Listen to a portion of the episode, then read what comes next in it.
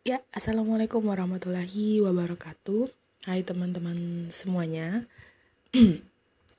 eh saya Tiara Nur Pratiwi. Jadi dalam podcast-podcast yang akan saya eh, terbitkan, cialah diterbitkan, diunggah nantinya. Dari situ insya Allah bisa bermanfaat untuk teman-teman sekalian.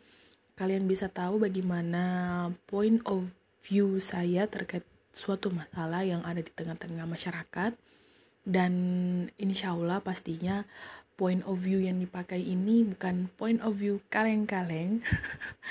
Jadi point of view di sini ya kita sebagai seorang muslim point of view-nya adalah Al-Quran, As-Sunnah, Ijma Sahabat dan Kias bukan yang lain-lain bukan point of view dari seorang manusia yang lemah, yang doif, bahkan menjilat siku sendiri kadang tidak bisa.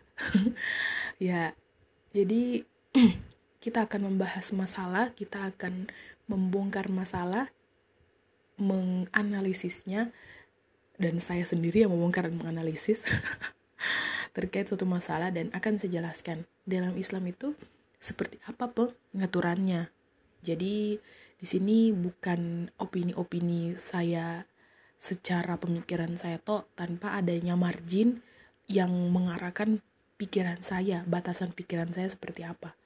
Oke, jadi silakan menanti rekaman-rekaman podcast saya. Semoga senang, bermanfaat, dan pastinya bisa disebarkan ke teman-teman yang lain sebagai amal jariah saya dan sebagai amal amal jam amal jariah kayak belibet ya amal jariah teman-teman.